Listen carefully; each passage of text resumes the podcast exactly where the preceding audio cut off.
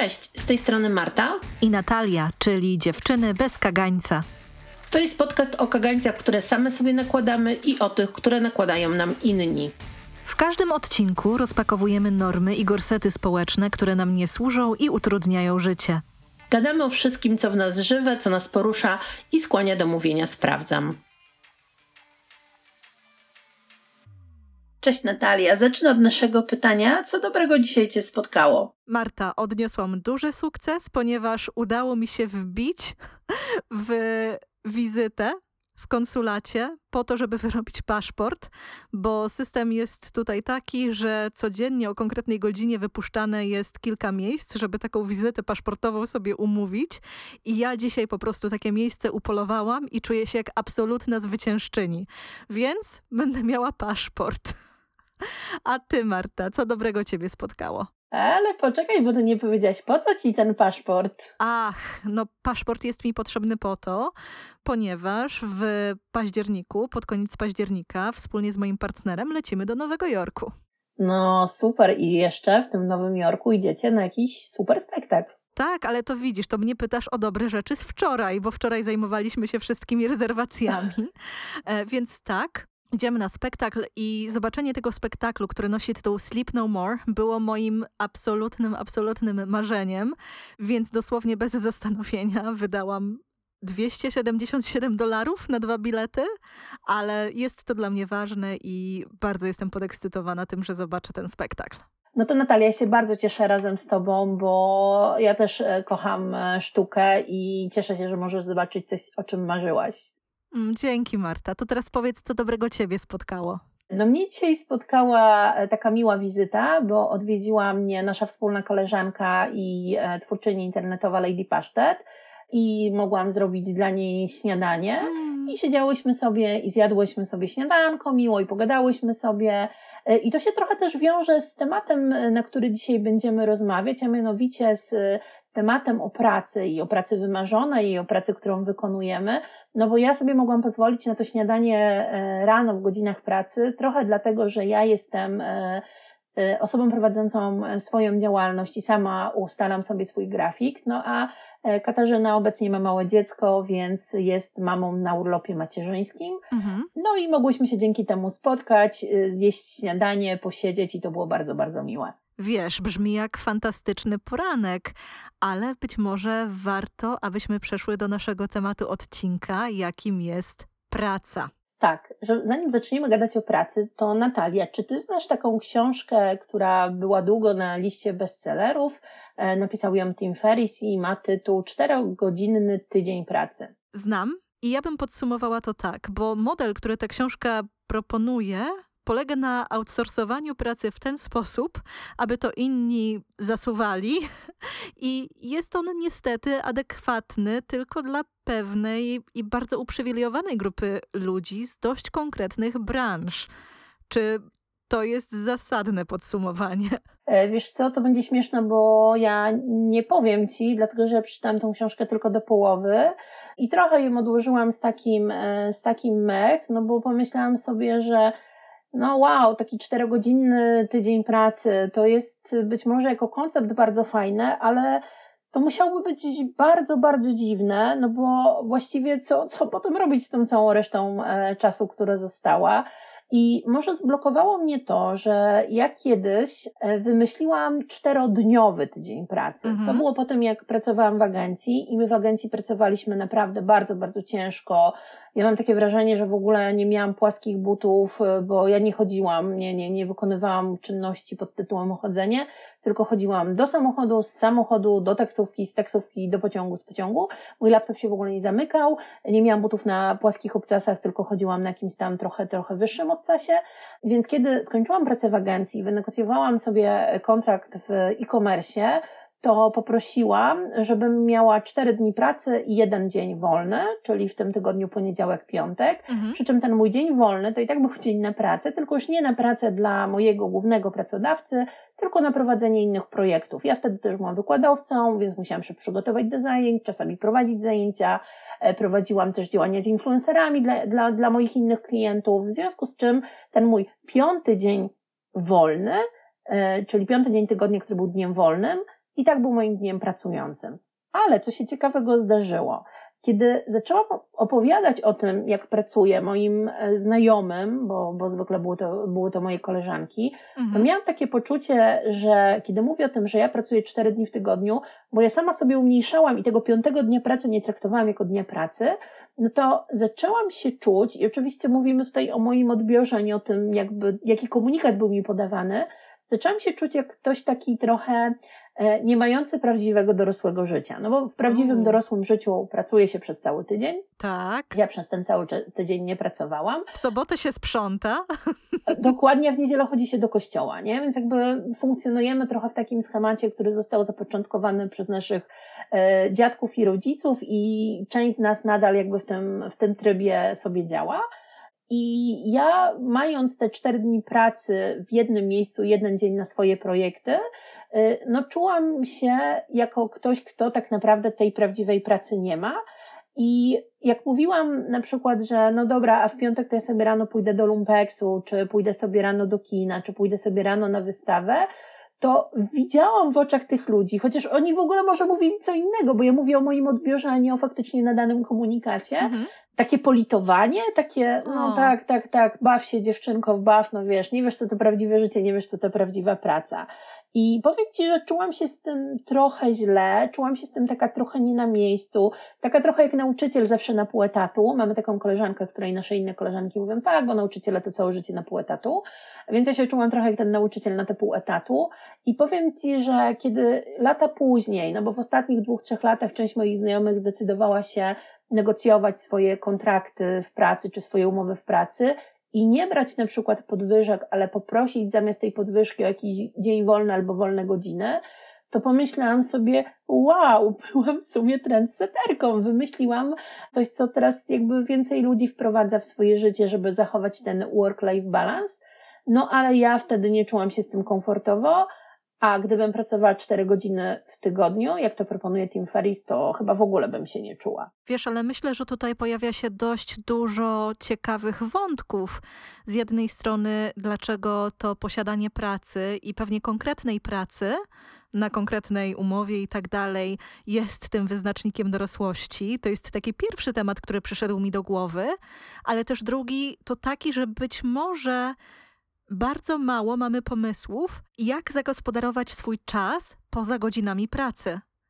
I trochę mnie to niepokoi, bo zobacz, kiedy zwalniasz sobie jeden dzień, to robisz miejsce na bardzo dużo rzeczy. Ty mówisz o wykorzystywaniu tego na jakieś dodatkowe działania, na jakieś dodatkowe kwestie zawodowe, ale też na pewne przyjemności. I ciekawi mnie, czy w niektórych ludziach taka perspektywa tego dnia wolnego, tak jak wiesz, tak jak w niektórych osobach, które przechodzą na emeryturę, nie budzi pewnego lęku, czyli takiego lęku związanego z tym, co ja zrobię z tym całym czasem? Wiesz co, ja myślę, że może tak być, dlatego że y, nie jest chyba sobie łatwo wyobrazić, kiedy pracujesz w takim trybie od poniedziałku do piątku w tak zwanych godzinach pracy, czyli y, powiedzmy, nie wiem, od tej 8 do 16 albo od 9 do, do 17, że nagle w tym czasie miałabyś robić coś innego. I nawet jeżeli bierzemy y, dzień wolny, mhm to raczej weźmiemy go po to, żeby załatwić jakieś sprawy związane z urzędami, albo żeby, nie wiem, pójść do jakiegoś lekarza specjalisty, który jest dostępny tylko rano, a nie po to, żeby pójść na przykład do kina e, i kina rano świecą pustkami, czy też e, wystawy rano są łatwiej dostępne, czy w ogóle mnóstwo innych atrakcji, e, które mają swoje oblężenie w weekend czy po godzinach pracy, no rano jest zupełnie dostępna. Ja też mam takie wrażenie, że tutaj trochę głosisz do chóru, dlatego że ja pracuję dokładnie w ten sam sposób, bo też ustalam sobie swoje godziny i bardzo często czas w ciągu dnia właśnie wykorzystuję na to, aby skorzystać z różnych wygód. I tu jest to, o czym wspomniałaś, czyli pójście na wystawę. I zauważyłam, że no właśnie w tym samym czasie jest bardzo dużo osób w podobnej sytuacji, które przychodzą solo i korzystają z tego, że jest na przykład galeria czy jakieś muzeum, że są mniej oblegane. I ja też w tych godzinach, w tych godzinach od 9 do 17, bardzo często ustawiam sobie rzeczy typu wizyta u fryzjera, masaż, u mojej fizjoterapeutki czy wizyta na siłowni, bo dla mnie jest to ogromny komfort. Z jednej strony jest mi łatwiej znaleźć jakiś wolny termin w tych godzinach, bo większość ludzi próbuje rezerwować zazwyczaj przed albo po godzinach pracy, tych godzinach urzędowych, a też w takich miejscach jak na przykład siłownie czy galerie nie ma aż takich tłumów. No dobra, to yy, pogadajmy o uczuciach. Nie wiem, czy jesteś na to gotowa. Zawsze. Jak ty się czujesz, Natalia, z tym, że właśnie idziesz sobie y, w takich godzinach, kiedy na przykład nawet twój partner jest w tak zwanej zwykłej pracy, czy twoi znajomi są w tak zwanej zwykłej pracy, a ty wtedy idziesz korzystać z tak zwanych wygód i, i innych atrakcji. Y, jakie to w tobie budzi emocje i jak ty się odnajdujesz w tej sytuacji? Wiesz co, to ciekawe, że o to pytasz, bo ja tak naprawdę na co dzień o tym nie myślę. Po prostu widzę, że coś jest dostępne, to w to idę. Myślę, że dużo trudniej albo dużo trudniejszą sytuacją było dla mnie to, że biorąc pod uwagę, że sama ustalam sobie swoje godziny, z zewnątrz mogę wyglądać dla innych ludzi jako osoba, która wcale dużo nie pracuje bardzo dużo nie robi, więc jej czas jest do zagospodarowania. I wiesz, to się wiązało na przykład z tym, że osoby, które znam z mojego otoczenia, albo próbowały wyciągać mnie na jakieś, wiesz, wyjścia na kawę, czy jakieś wyjście na zakupy, czy po prostu zadzwonić, żeby gadać, gadać, gadać długo uważając, że skoro, wiesz, wtedy, kiedy inni są w biurach, a ja jestem w swoim domowym biurze, to mogą sobie ten czas w jakiś sposób przywłaszczyć. A to tak nie jest, bo ja też jakby ustalam pewne godziny, tylko ja bardzo cenię sobie tę elastyczność, którą w ich ramach mam. I to nie jest też tak, że jakieś rzeczy będą dla mnie szczególnie trudne. Na przykład umówienie jakiejś wizyty, czy na przykład jakieś wyjście, które pomaga mi oczyścić głowę, więc Myślę, że te odczucia, które mam, są odmienne od tych, które opisywałaś, czyli nie dostrzegam w oczach innych ludzi, nie wiem, jakiegoś politowania czy, czy innych negatywnych emocji. A myślisz, że to się wiąże trochę z miejscami, w których my żyjemy? No bo jednak ja mieszkam w Polsce, ty mieszkasz w Holandii. E, ja myślę, że w Polsce jest taki dość tradycyjny ciągle model postrzegania pracy, że praca jest od do, że praca jest na etacie, że praca powinna być przeprowadzana w e, takich najbardziej tych popularnych pracowych godzinach. E, I jeżeli ktoś się temu wymyka i na przykład prowadzi własną działalność mhm. i jest w stanie sobie dopasować te godziny elastycznie, no to właśnie budzi taką, takie emocje, niekoniecznie fajnie, niekoniecznie podziw, a mam wrażenie, że w Holandii to jest trochę inaczej z tego, co opowiadasz. Myślę, że tak chociaż ja też obracam się w dość specyficznych kręgach, dlatego że są to ludzie w zbliżonym do mnie wieku, że są to ludzie z e, dużych miast i też z różnych kręgów kulturowych, ale też wykonujący dość specyficzną grupę zawodów, gdzie dostrzegam też taką postawę, która jest mi bliska, czyli postawa nie marzenia o karierze. I tutaj ta kariera jest rozumiana jako na przykład wspinanie się po kolejnych szczeblach zawodowych, osiąganie kolejnych tytułów i tak dalej. I myślę, że to też mi bardzo dużo, bardzo dużo ułatwia, bo z pewnością są takie osoby, dla których ten model pracy, w której wykonujesz określone zadania w określonych godzinach przez wiele, wiele lat, jest czymś, co daje im poczucie stabilizacji i bezpieczeństwa. Poruszyłaś tutaj e, taki ważny temat, dlatego zapytam przewrotnie Właściwie po co nam jest praca? Co my oprócz tego, że to bezpieczeństwo finansowe i zaspokojenie naszych potrzeb związanych z mieszkaniem, e, jedzeniem, ubraniem się, być może podróżowaniem, rozrywką, e, zapewnieniem godnego bytu naszemu potomstwu i w naszym przypadku naszym zwierzętom, e, to co oprócz tego takiego wymiaru finansowego i bezpieczeństwa załatwia nam jeszcze praca. Wiesz, ja mam takie marzenie, żeby powiedzieć, że praca jest trochę po nic. Ale wiesz co, żeby to też dobrze wybrzmiało, bo zdaję sobie sprawę, że wykonywanie pewnych zadań jest potrzebne i jest użyteczne ze względu na to, że funkcjonujemy w pewnej społeczności, która bez tych zadań, bez tych różnych usług, bez tych różnych rzeczy, które możemy sobie zapewnić, by się nie obyła. Dlatego tak, z jednej strony oczywiście praca i koncept pracy pomaga nam funkcjonować jako społeczeństwu, ale z drugiej, wiesz, no, są takie sytuacje, w których na przykład nowo powstające zawody czy jakieś prace są tak naprawdę, no nie wiem po co. wiesz co, uśmiechnęłam się, bo jest nawet taka książka Praca bez sensu, która dość dobitnie opisuje jakby założenia współczesnej ekonomii i tego, w jakim świecie, świecie żyjemy i że część stanowisk jest dokładnie tak, jak mówisz, po nic, ale mi chodziło taki bardziej, o taki bardziej aspekt psychologiczny. Po co jest nam praca? Bo co nam praca zapewnia poza tymi właśnie względami materialnymi? Bo ja sobie czasem myślę, że praca jest tym, co nas bardzo mocno definiuje i nie mm. tylko definiuje nas w naszych własnych oczach, ale w oczach innych ludzi. E, I chyba takim jednym z pierwszych pytań, które się zadaje nowo poznanym osobom, jest to, czym się zajmujesz, gdzie pracujesz, co robisz. I e, powiem Ci, że e, ja na przykład rzadko się spotykam z tym, że ktoś mnie pyta na przykład o to, jaką książkę ostatnio przeczytałam. Mówię o, o kimś nowo poznanym. Jaką książkę przeczytałam, gdzie ostatnio, nie wiem, jakie zobaczyłam ciekawe miejsce, a raczej czym się zajmuję, gdzie pracuję nie? Mhm. I o, o, ten aspekt właśnie taki, co nam daje praca, po co nam jest praca, w takim znaczeniu psychologii chyba bardziej Cię pytałam. Aha, ale wiesz co, ja się trochę sprzeciwiam temu, dlatego nie uderzyłam w ten ton, żeby praca była czymś nas definiującym. Dlatego, że nie wydaje mi się to do końca użyteczne, bo to jest trochę tak jak mówisz, że informacja o wykonywanym zawodzie nie mówi nam zbyt dużo o tej osobie, a wydaje mi się, że czasami jest takim skrótem albo takim wytrychem, żeby się do tego człowieka nie zbliżać, żeby nie pytać go o jego wartości. I zobacz, czasami usłyszenie czyjegoś tytułu zawodowego już wytwarza w nas jakieś fantazje na temat tego, jaka ta osoba jest, na temat tego, jakie wyznaje wartości, co też jest e, dość interesujące. Nie, że inaczej będziemy myśleć o na przykład kimś, kto przedstawia się jako coach, a inaczej będziemy będziemy myśleć o kimś, kto przedstawia się jako lekarz, a jeszcze inaczej o kimś, kto przedstawia się jako influencer. Oczywiście, że tak. I jakby możemy się z tym zgadzać lub nie zgadzać, że to nie jest e, fajne i zupełnie niesprawiedliwe, kiedy oceniamy kogoś przez pryzmat tej pracy, którą wykonuje, no ale tak to funkcjonuje w społeczeństwie. Kiedy pierwszy raz kogoś spotykamy, bo na przykład idziemy na wesele i siadamy przy stoliku z obcymi ludźmi, albo idziemy na jakąś imprezę, która nie jest w głośnym klubie, bo tam nic nie będzie słychać, ale mhm. na przykład idziemy na jakieś urodziny do znajomych i tam spotykamy ludzi po raz pierwszy, to myślę, że to jest jedno z pierwszych pytań, które się pojawia.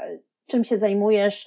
Gdzie pracujesz? To jest takie właściwie pod, takie podszyte pytanie, kim jesteś? Mhm. I możemy się z tym nie zgadzać, ale chyba tak jest. Ale też wiesz, wracając do tego pytania, które mi zadałaś, po co jest nam praca, myślę, że trudno to jednoznacznie stwierdzić, dlatego że wiesz, przeprowadzono bardzo małe badania na temat e, koncepcji podstawowego dochodu, to się chyba tak nazywa, Universal Basic Income. E, I wiesz, i wykazano, że nawet jak ludziom się płaci, nawet kiedy tej pracy nie wykonują, to nadal będzie bardzo duża grupa ludzi, którzy będą się decydowali na pracę.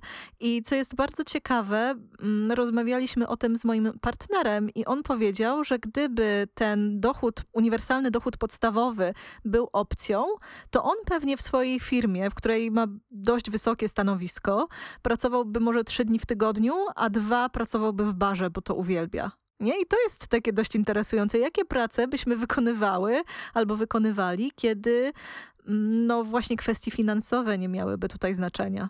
O, poruszyłaś dwa bardzo ciekawe tematy. Pierwsze to jest ten uniwersalny dochód podstawowy, o którym się w Polsce trochę teraz rozmawia, no i niestety nastroje społeczne nie są zbyt optymistyczne, e, bo jest tak, dajmy leniwym, niech już wszyscy będą leniwi, w ogóle nic nie robią. E, i jest to taka dyskusja bardzo nacechowana negatywnie. E, a drugi bardzo ciekawy wątek, który poruszyłaś, o którym chciałabym pogadać, to jest coś, co ma swoją nazwę i e, co jest trochę o tym, że dziś możemy mieć kilka różnych prac. To o mnie. No i o mnie też, ale też myślę, że o wielu ludziach, które my, których my znamy. I to jest chyba taka zmiana w stosunku do tego, jak żyli, jak pracowali nasi rodzice czy dziadkowie, no bo e, część osób z pokolenia naszych rodziców to są osoby, które miały przez całe życie jeden zawód, być może w jednej firmie, no a w takim najbardziej e, szalonym e, wariancie w kilku różnych miejscach. Albo w jednej branży, nie? Że jakby ci ludzie zostawali w obrębie jednego typu zawodu. Tak, tak, dokładnie.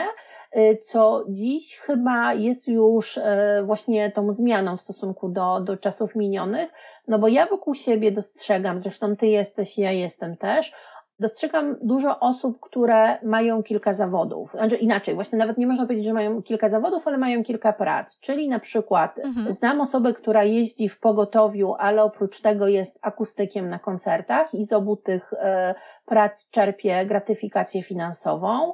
E, znam osobę, która pracuje jako barman, ale też pracuje jako sprzedawca w sklepie.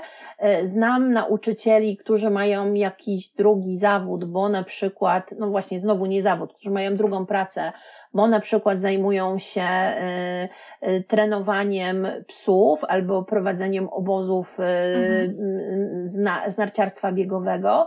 I czasami wiadomo, jest to spowodowane tym, że sytuacja ekonomiczna tego wymaga, że no z jednej pensji jest się im trudno utrzymać, więc mają dwie prace, ale czasami wynika też z tego, i to jest ten, ten wątek, który do mnie bardzo przemawia, że ludzie nie chcą się decydować na jedną specjalizację, chcą mieć kontakt z wieloma dyscyplinami e, i jakby uczyli się jednej rzeczy w szkołach czy na studiach, a inne po prostu sprawiają im radość, satysfakcję, e, są ich pasją i też się z tego są w stanie jakoś tam dodatkowo utrzymywać.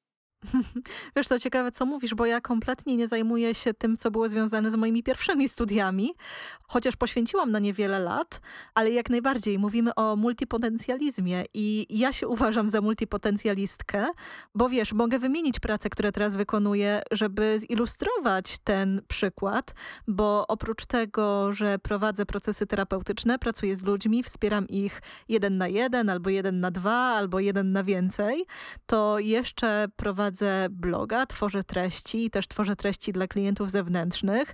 Jestem ekspertką, ale dodatkowo zajmuję się też tłumaczeniami, więc tutaj mam takie trzy osobne dziedziny, w których działam, myślę, dość porówno. Ale ja też zdaję sobie sprawę z takiego odbioru multipotencjalistów. Wiesz o czym mówię? E, no właśnie, nie do końca jestem pewna, czy wiem, e, o czym mówisz, dlatego że ja myślę, że w naszej kulturze w Polsce czasami takie osoby, które ty określasz jako osoby z multipotencjałem, są postrzegane jako osoby niezdecydowane, osoby, które nie potrafią się skupić na jednej rzeczy, mm. osoby, które, nawet jest takie powiedzenie w języku polskim, łapać wiele strok za ogon, czyli które mają te po prostu całe garście tych stroczych ogonów i takie osoby, których trochę nie traktujemy poważnie. No bo jak ktoś jest nie wiem, prawnikiem, ma taki jeden poważny zawód, no to on jest taki, wiesz, zawodowo osadzony. Jak ktoś jest lekarzem, to ma taki jeden poważny zawód i jest zawodowo osadzony. Jeśli nawet, nie wiem, jak e, mój mąż jest e, programistą, e, ma jeden taki zawód, którym jest osadzony, no to jakby osoba, która przychodzi i mówi, no ja zajmuję się pisaniem, mam szkołę treserów psów, a jeszcze oprócz tego prowadzę warsztaty z dziećmi z budowania Lego, no to jest takie, a no kiedyś sobie znajdziesz prawdziwą pracę, nie? Ja mam wrażenie, że trochę to tak funkcjonuje. Ale wiesz co, nawet sposób, w jaki to powiedziałaś,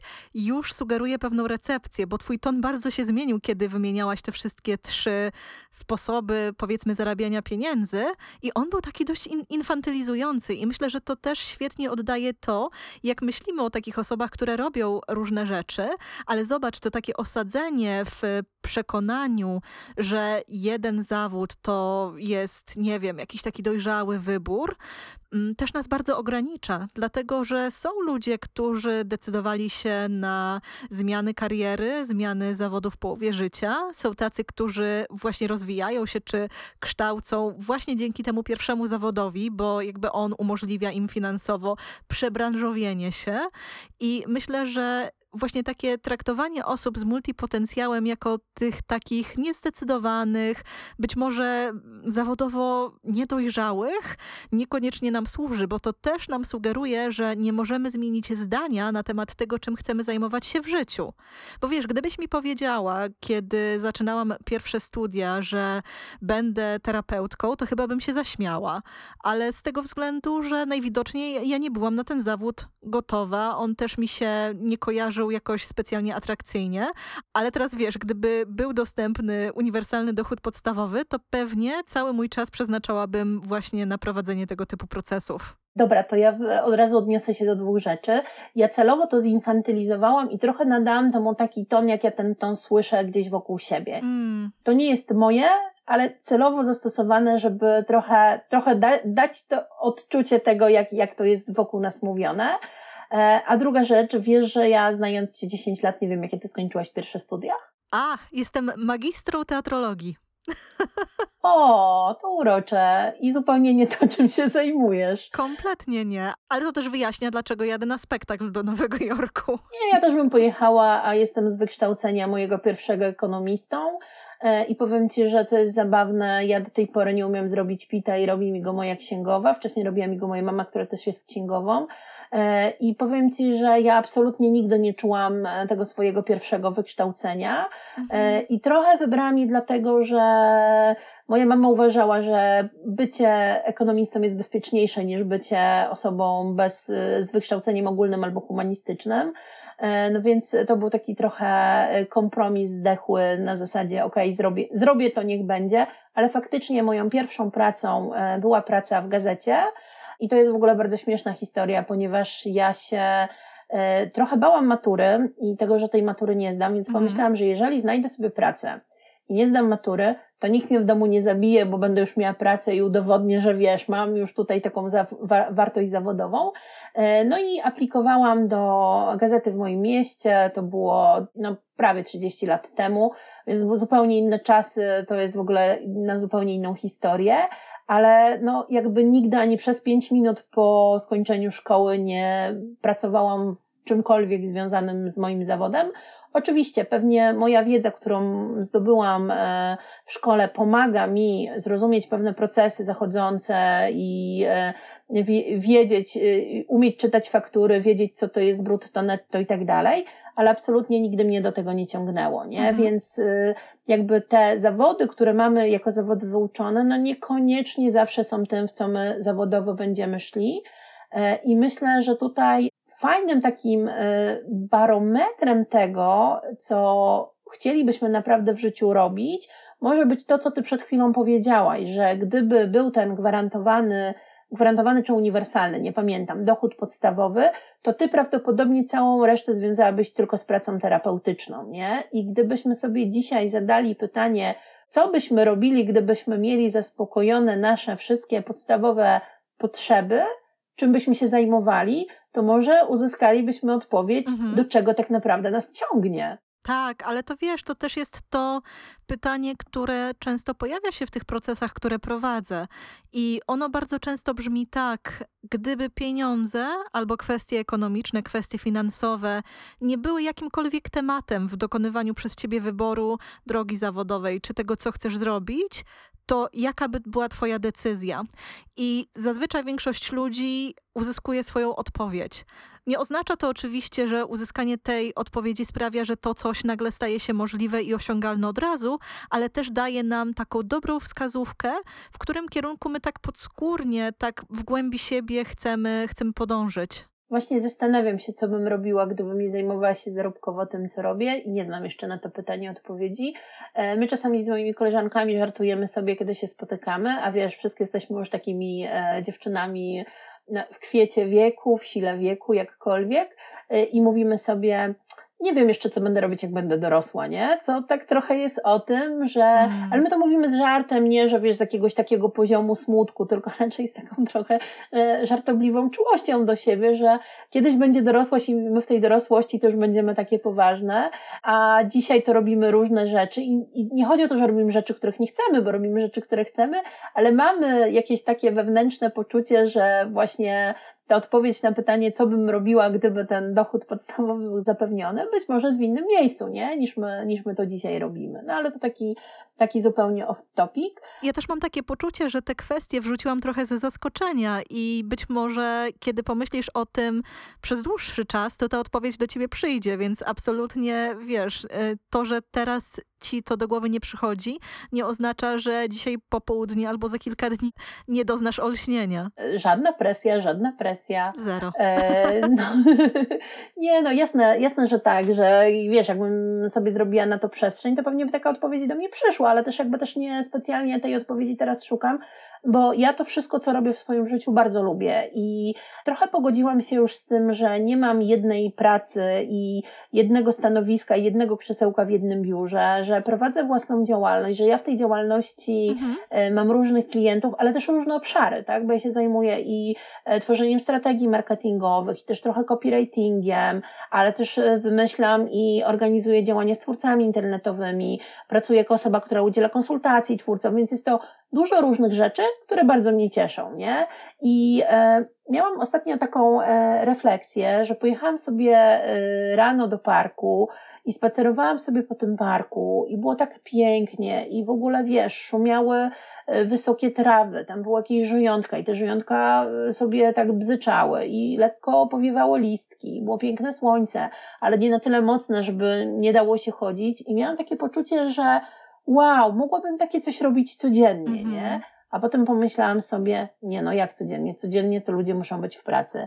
I tak sobie myślę, że ja się znowu porównałam do tej grupy ludzi, którzy pracują normalnie, a przecież na świecie też funkcjonują ludzie, którzy nie pracują, którzy z różnych powodów już nie mają tej kariery zawodowej, ale jednak mnie mentalnie gdzieś tam ciągnie do tych ludzi, wiesz, w, moim wieku, w takiej galopującej karierze, w takim totalnym y, pędzeniu, bie, bieganiu za, y, za kolejnymi zadaniami, nie? Ale to nie jest trochę tak, że ciągniecie do kultury tak zwanych dupogodzin? Nie, zupełnie nie, bo gdyby mnie ciągnęło do kultury dupogodzin, to pracowałabym sobie radośnie na etacie, bo takie propozycje też miałam.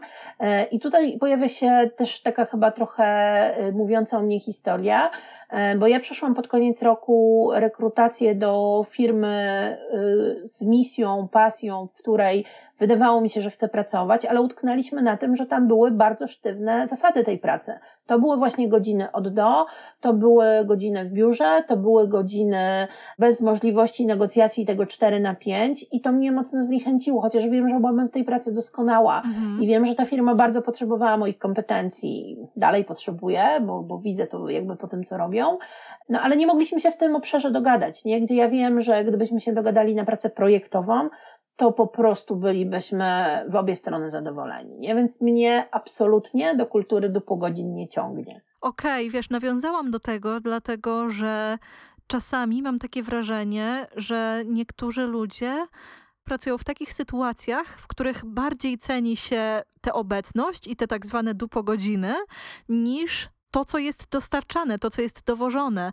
I wielu ludzi, których znam, którzy są w moim otoczeniu, ma właśnie takie poczucie, że wykonuje swoją pracę w krótkim czasie, a cała reszta to jest tak naprawdę ich obecność w jakimś konkretnym biurze, przy jakimś konkretnym biurku i właściwie, wiesz, te osoby na przykład zwierzają się, że przeglądają media społecznościowe, że robią sobie kolejną kawę, herbatę, a tak naprawdę te osoby mogłyby wykorzystać ten czas, gdyby rzeczywiście ten czas pracy został został skrócony na to, aby właśnie rozwijać swoje pasje, robić to, co sprawia im przyjemność, albo pójść do tego parku, słuchać traw i bzyczących żyjątek. Y, wiesz, bo to się chyba bardzo mocno też zakorzeniło w naszej kulturze i w naszym społeczeństwie.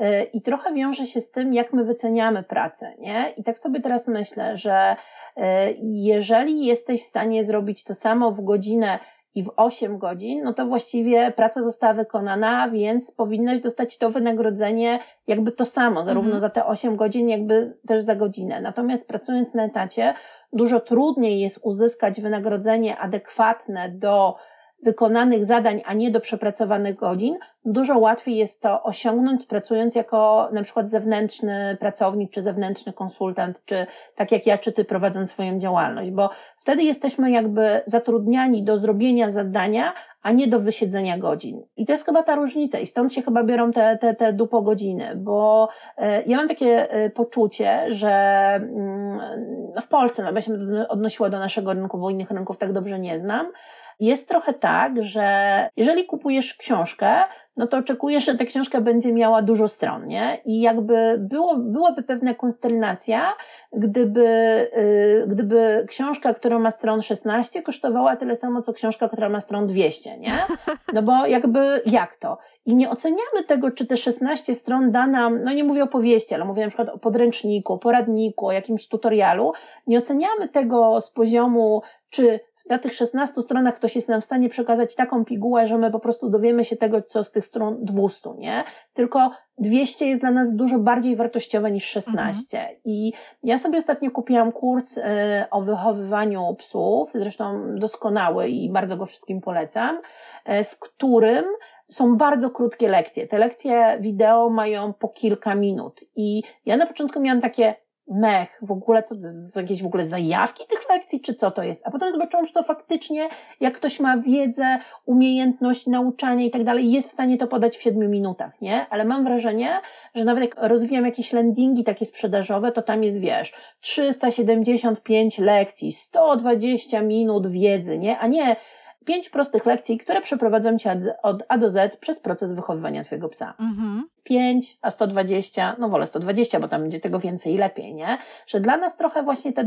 dupo godziny biorą się z tego, że trzeba byłoby zmie zmienić tak naprawdę te podwaliny mm, tej naszej wiedzy o świecie, że dużo nie, zna nie zawsze znaczy dobrze, nie? Marta, zasłuchałam się, jak tak opowiadałaś, bo bardzo rezonuje ze mną to, co mówisz, że czasem mierzymy wartość czegoś w tym, jak dużo tego jest, a niekoniecznie w esencji tego czegoś.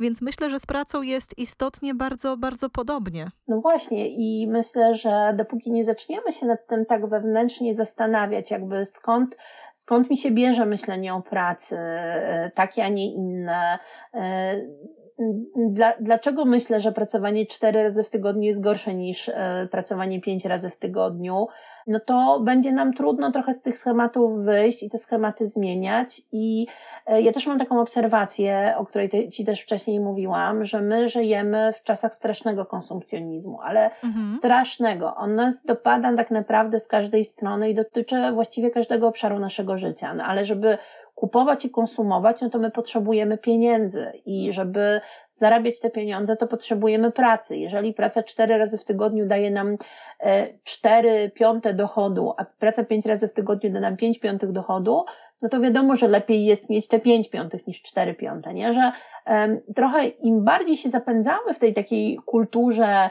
pracowania dla posiadania, tym trudniej nam jest się trochę z tego odpiąć. Szczególnie teraz, kiedy jeszcze mamy do tego tą galopującą inflację, rosnące ceny, zaburzone łańcuchy dostaw, jest nam bardzo trudno sięgnąć po takie swoje właściwie, co mi daje ta praca. Ale też wiesz, zdaję sobie sprawę z tego, że czasami mamy takie cele życiowe, które konkretny rodzaj wykonywanej pracy wspiera, bo na przykład pozwala nam zaciągnąć konkretny rodzaj kredytu, albo pozwala nam wieść życie na takim poziomie, na takiej stopie, jakie chcemy wieść. Więc ja też nie do końca jestem tutaj gotowa dyskredytować konkretne rodzaje prac, nawet gdy wiążą się z dupogodzinami, bo wierzę, że bardzo często one też spełniają inne funkcje, bo też chciałam, żeby to wybrzmiało w tym kontekście. Jasne, masz tu moje pełne zrozumienie, bo na przykład nie wyobrażam sobie sklepu, e, w którym sprzedawca jest tylko wtedy, kiedy pojawiają się klienci, nie? No bo jakby to jest jeden z tych zawodów, w którym te dupogodziny będą konieczne, bo jeżeli e, masz, nie wiem, sklep z ubraniami, mhm. no to on nie może być otwarty co 15 minut, bo wtedy jest klienta w pozostałym czasie zamknięty, no tylko sprzedawca, który tam będzie, czy sprzedawczyni, no on będzie wysiadywał te trochę dół po godzinę, no i nie ma, nie ma funkcji, że inaczej, nie?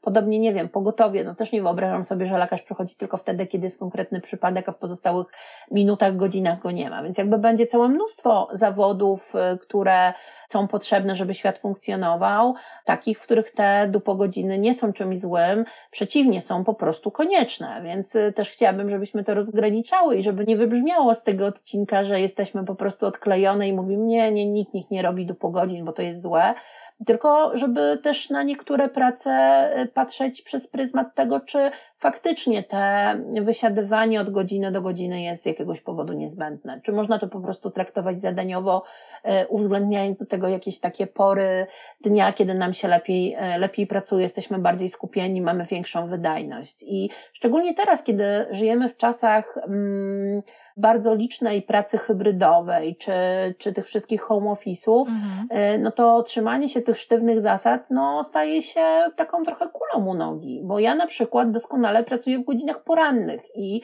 jak ja sobie wstanę o godzinie piątej, to ja mam, słuchaj, po pierwsze świetne flow, po drugie nikt mi po domu nie chodzi, po trzecie nikt do mnie nie dzwoni, to są straszne rozpraszacze. Ja do godziny dziewiątej jestem wyrobiona z robotą i mogę iść na spacer do parku, czy mogę iść do kina i wtedy, kiedy wiesz, na przykład idę do tego kina, sobie myślę, Boże, normalni ludzie są teraz w pracy, co ja nie tak robię ze swoim życiem, nie? Tak. Bardzo umniejszam sobie tą pracę od piątej do dziewiątej, a bardzo podbijam tą pracę, która jest w późniejszych godzinach. Właśnie teraz to usłyszałam. Wow. No to cieszę się, że skorzystałaś z tej okazji, żeby siebie usłyszeć, bo też tak sobie pomyślałam, że właśnie ta sytuacja globalnej pandemii udowodniła, że możliwe jest coś, o co bardzo długo bardzo wiele osób walczyło, czyli żeby właśnie można było pracować hybrydowo, żeby można było pracować z domu. I nagle okazało się, że pewne rozwiązania są możliwe, i wykonalne, chociaż bez sytuacji kryzysu, ogromnego światowego kryzysu, nie budziły aż takiego entuzjazmu, a wręcz przeciwnie, budziły bardzo dużą wrogość. Ale wróćmy do tematu kasy, pieniędzy, wynagradzania i mamony, dlatego że myślę, że tutaj jest to coś, co wiąże się ściśle z pracą, a mamy bardzo dużo fantazji na ten temat, bo widzisz, Marta, ty pracujesz z influencerami i bardzo często mówi się o tym, jakie są stawki za pracę konkretnych influencerów i że one są bardzo duże i że one przekraczają wielokrotność, powiedzmy, mm, pensji osób pracujących w ochronie zdrowia.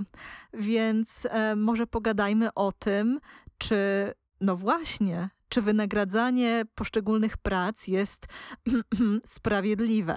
Nie no, Natalia, co do tego nie mam żadnych wątpliwości, że nie ma czegoś takiego jak sprawiedliwość w wysokości wynagrodzeń. E, no i faktycznie ja pracuję z wieloma influencerami na bardzo wysokich budżetach. Oczywiście chroni, chronią to wszystko NDA, więc y, zupełnie nie mogę tutaj mówić e, o, o kwotach. Też nie chciałabym mówić o kwotach.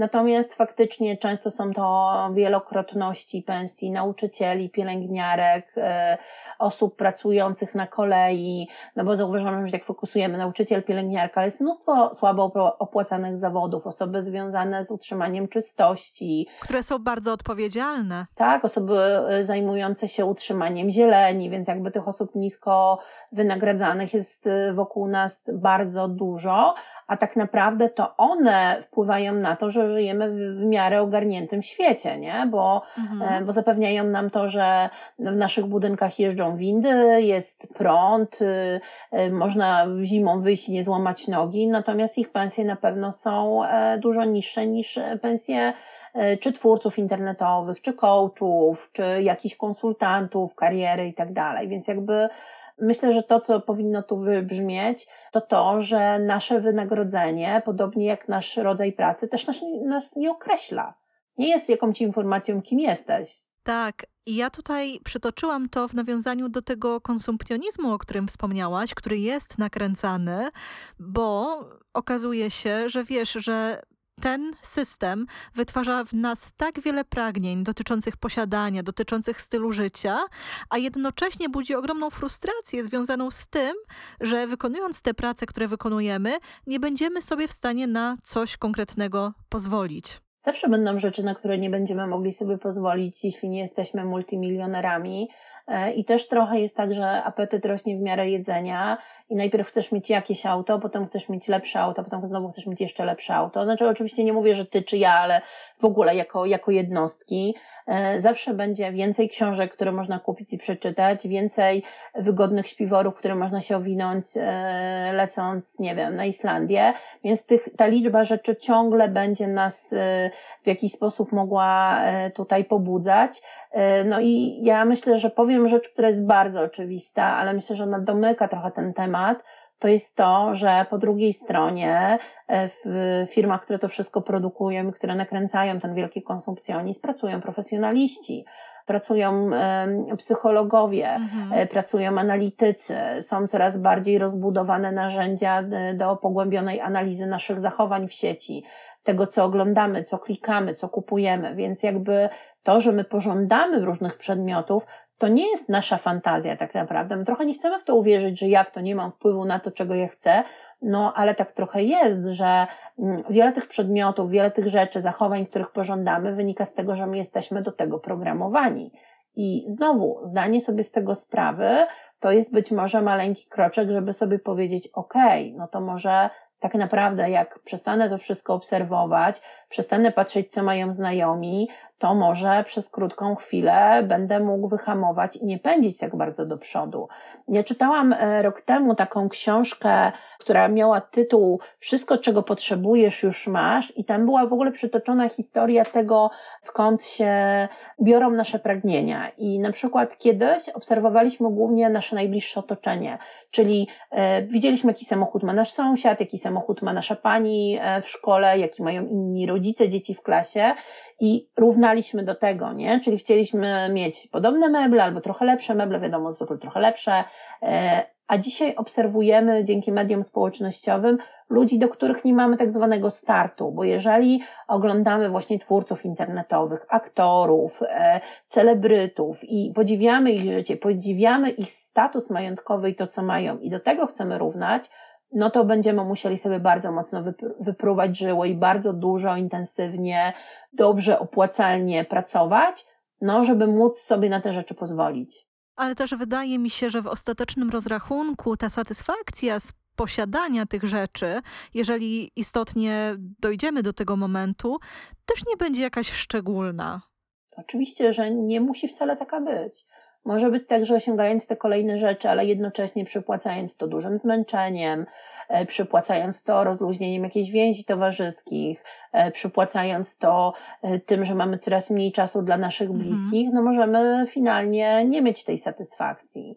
Usłyszałam takie zdanie, kiedy rozmawiałam z bliską mi osobą pracującą w Anglii na bardzo, w bardzo takim prestiżowym zawodzie, że taki mentor, który już jakby w tym zawodzie przepracował wiele lat, powiedział, że możesz mieć świetną pracę i doskonałe zarobki i będzie cię stać na jacht, ale będziesz na tym jachcie sama, nie? I no i to jest też taka gorzka refleksja e, na, na, na, nad tym, gdzie nas praca może zaprowadzić, że możemy mieć wspaniałe rzeczy, ale niekoniecznie łączyć się będzie z tym nasze wspaniałe, spełnione, pełne satysfakcji życie.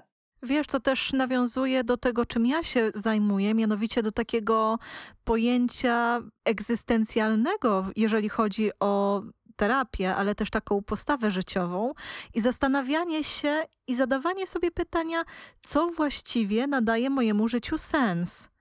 I wydaje mi się, że bardzo często mówimy o tym, czego ludzie żałują w obliczu śmierci i bardzo rzadko pojawiają się w ich ustach takie słowa, że żałują, że pracowali tak mało. Częściej pojawia się właśnie to, o czym mówisz, że żałują, że mniej czasu poświęcili na relacje z bliskimi, że mniej czasu poświęcali po prostu na to, co z końcem życia wydaje się bardziej istotne, co świadczy o jego esencji. No to bardzo ważne, co mówisz, bo my jesteśmy jeszcze, wydaje mi się, stosunkowo młode i też e, młodzi są nasi e, odbiorcy i odbiorczynie. E, i rzadko patrzymy na życie z takiej perspektywy, czego będę żałować, jak będę mieć lat 80 albo 70, a być może dzisiaj zadanie sobie tego pytania, kiedy mamy tych lat 30 lub 40, jest też taką wskazówką, jak tą swoją karierę i drogę zawodową kształtować i jak ją prowadzić, na co kłaść większy, na co kłaść mniejszy nacisk, czego będziemy żałować na tym, a, że tak powiem, górnolotnie ułożu śmierci. Ale ja też nie chcę, żeby to zabrzmiało tak, jakbyśmy komuś odbierały coś, nie? Jakbyśmy komuś odbierały na przykład ambicje zawodowe, czy zabraniały komuś mieć bardzo poważnych planów dotyczących kariery. To wcale nie o to chodzi. Tylko czasami wydaje mi się, że pracę traktujemy jako pewną daną, jako coś, co jest w życiu nieuniknione, więc lepiej, żeby przynosiło spore dochody, najlepiej jak najmniejszym wysiłkiem, bo inaczej i tutaj kropka, kropka, kropka. Natomiast myślę, że czasami warto podejść do tego właśnie w ten sposób, co sprawiłoby, jakie rodzaje działań, że moje życie byłoby jednocześnie spełnione, wygodne i zostawiało miejsce na to, co jest istotne. Tak, zdecydowanie, absolutnie. Ja się tutaj nie podpiszę pod tym, że my chcemy komuś coś narzucić, bo zupełnie nie taka jest nasza rola. E, ja traktuję trochę moje własne przemyślenia i moje rozmowy z Tobą do tego, żeby e, pokazywać ludziom też e, takie różne obszary, które może w ich życiu są ważne, ale nie do końca potrafią je sobie zdiagnozować czy zobaczyć, bo wiesz, to jest znowu ten mój czterodzienny tydzień pracy, kiedy ja myślałam, że to jest bardzo dziwne, że to mnie stawia w takiej pozycji, Boże, jesteś dziwna, nie masz takiej jakiejś, nie wiem, ambicji, że mogłabyś ten piąty dzień przepracować i mieć więcej i lepiej i wiesz, i bardziej. No, to, to nie wiem, chcesz chodzić te, na te spacery do tego kina, na, na te wystawy i że to wszystko jest bardzo okej, okay, że y, to nie jest w niczym gorsze, że równie wartościowe może być wykonywanie pracy przez y, długie godziny tygodnia, jak i równie wartościowe i nie, nie, ma, nie będące w niczym gorsze, chodzenie w jednym dniu zamiast do pracy, do kina, na wystawę albo na wolontariat, bo masz taką fantazję. To cię nie czyni gorszą osobą, to w ogóle cię nie określa. To może wiesz, już tak dobijając do brzegu, zadam takie pytanie, a właściwie zachęcę nasze osoby słuchające do zadania sobie tego pytania, co sprawia, że ta praca, którą teraz wykonujemy, jest warta chcenia. Bo wydaje mi się, że każdy i każda z nas znajdzie tutaj zupełnie inną odpowiedź. Myślę, że tak. A ja będę się zastanawiać w najbliższym tygodniu e, podczas mojego wyjazdu na odosobnienie pisarskie nad tym, co robiłabym, gdybym miała gwarantowany dochód podstawowy. no, a ja jestem ciekawa Twoich wniosków. Podzielę się z Tobą, jak wrócę, na pewno. No dobra, Natalia, myślę, że powoli, powoli zmierzamy do brzegu, więc pytanie, co zabierasz ze sobą z dzisiejszego odcinka? Wiesz co, zabieram taki spokój i komfort w tym, o czym rozmawiałyśmy, bo chyba pokazałyśmy, że temat pracy on jest bardzo złożony i temat naszych wyborów dotyczących tego, jak pracujemy, po co pracujemy, ale też czuję, że znalazłyśmy tutaj taki wspólny grunt, ponieważ my pracujemy dość podobnie i myślę, że też nasza rozmowa pozwoliła nam sobie pewne kwestie poukładać, więc to też budzi takie moje duże zadowolenie. A dla ciebie, Marta, co dziś było ważne? E, no to ja tak podsumuję prawie, że książkowo i w punktach. E, ja bardzo bym chciała, żeby wybrzmiało to, że praca nie jest naszą wizytówką i nie jest tym, co nas definiuje i zupełnie nie stanowi o naszej wartości. Szczególnie w czasach, kiedy to wynagrodzenie za pracę zupełnie nie jest adekwatne do, albo nie musi być adekwatne do społecznej użyteczności tego, co robimy w naszej pracy. Mm, dokładnie. E, druga rzecz, to to, że no niestety jesteśmy ofiarami konsumpcjonizmu, które nas skłania do tego, żeby zarabiać więcej i wydawać więcej. I stoją za tym potężne pieniądze, ogromne mechanizmy i nie mamy w starciu z tym żadnych szans. I trzecia rzecz, która mi się e, nasuwa, to jest to ładne pojęcie, którego ty użyłaś, czyli multizadaniowość. Multipotencjalność, multipotencjalizm. O właśnie, zapiszcie to sobie Państwo, multipotencjalizm, czyli to, że dzisiaj można mieć, y, utrzymywać się z kilku różnych źródeł, nie jest to w niczym gorsze niż posiadanie jednej pracy na etacie e, przez e, całe życie i że można się utrzymywać z rzeczy, które w ogóle są wobec siebie bardzo różne, że można utrzymywać się z zawodu wyuczonego, można się utrzymywać z pasji i że to wszystko jest ok, i marzy mi się, żeby zmieniał się świat na taki, w którym kiedy poznajemy nowych ludzi, to nie pytamy ich o to, czym się zajmujesz i jaka jest Twoja praca, tylko żeby pytać o jakieś rzeczy, które bardziej tą osobę nam pokażą i bardziej tą osobę, nas otworzą na tą osobę, a tą osobę otworzą na nas, bo będziemy rozmawiać o rzeczach, które są bardziej istotne niż to, e, no, gdzie wysiadujesz swoje godziny. Dokładnie tak. Dzięki Ci, Marta, za to podsumowanie i za dzisiejszą rozmowę. Dzięki, Natalia. Do usłyszenia. To były Dziewczyny bez kagańca. Subskrybuj nasz podcast i podaj go dalej. Do następnego razu.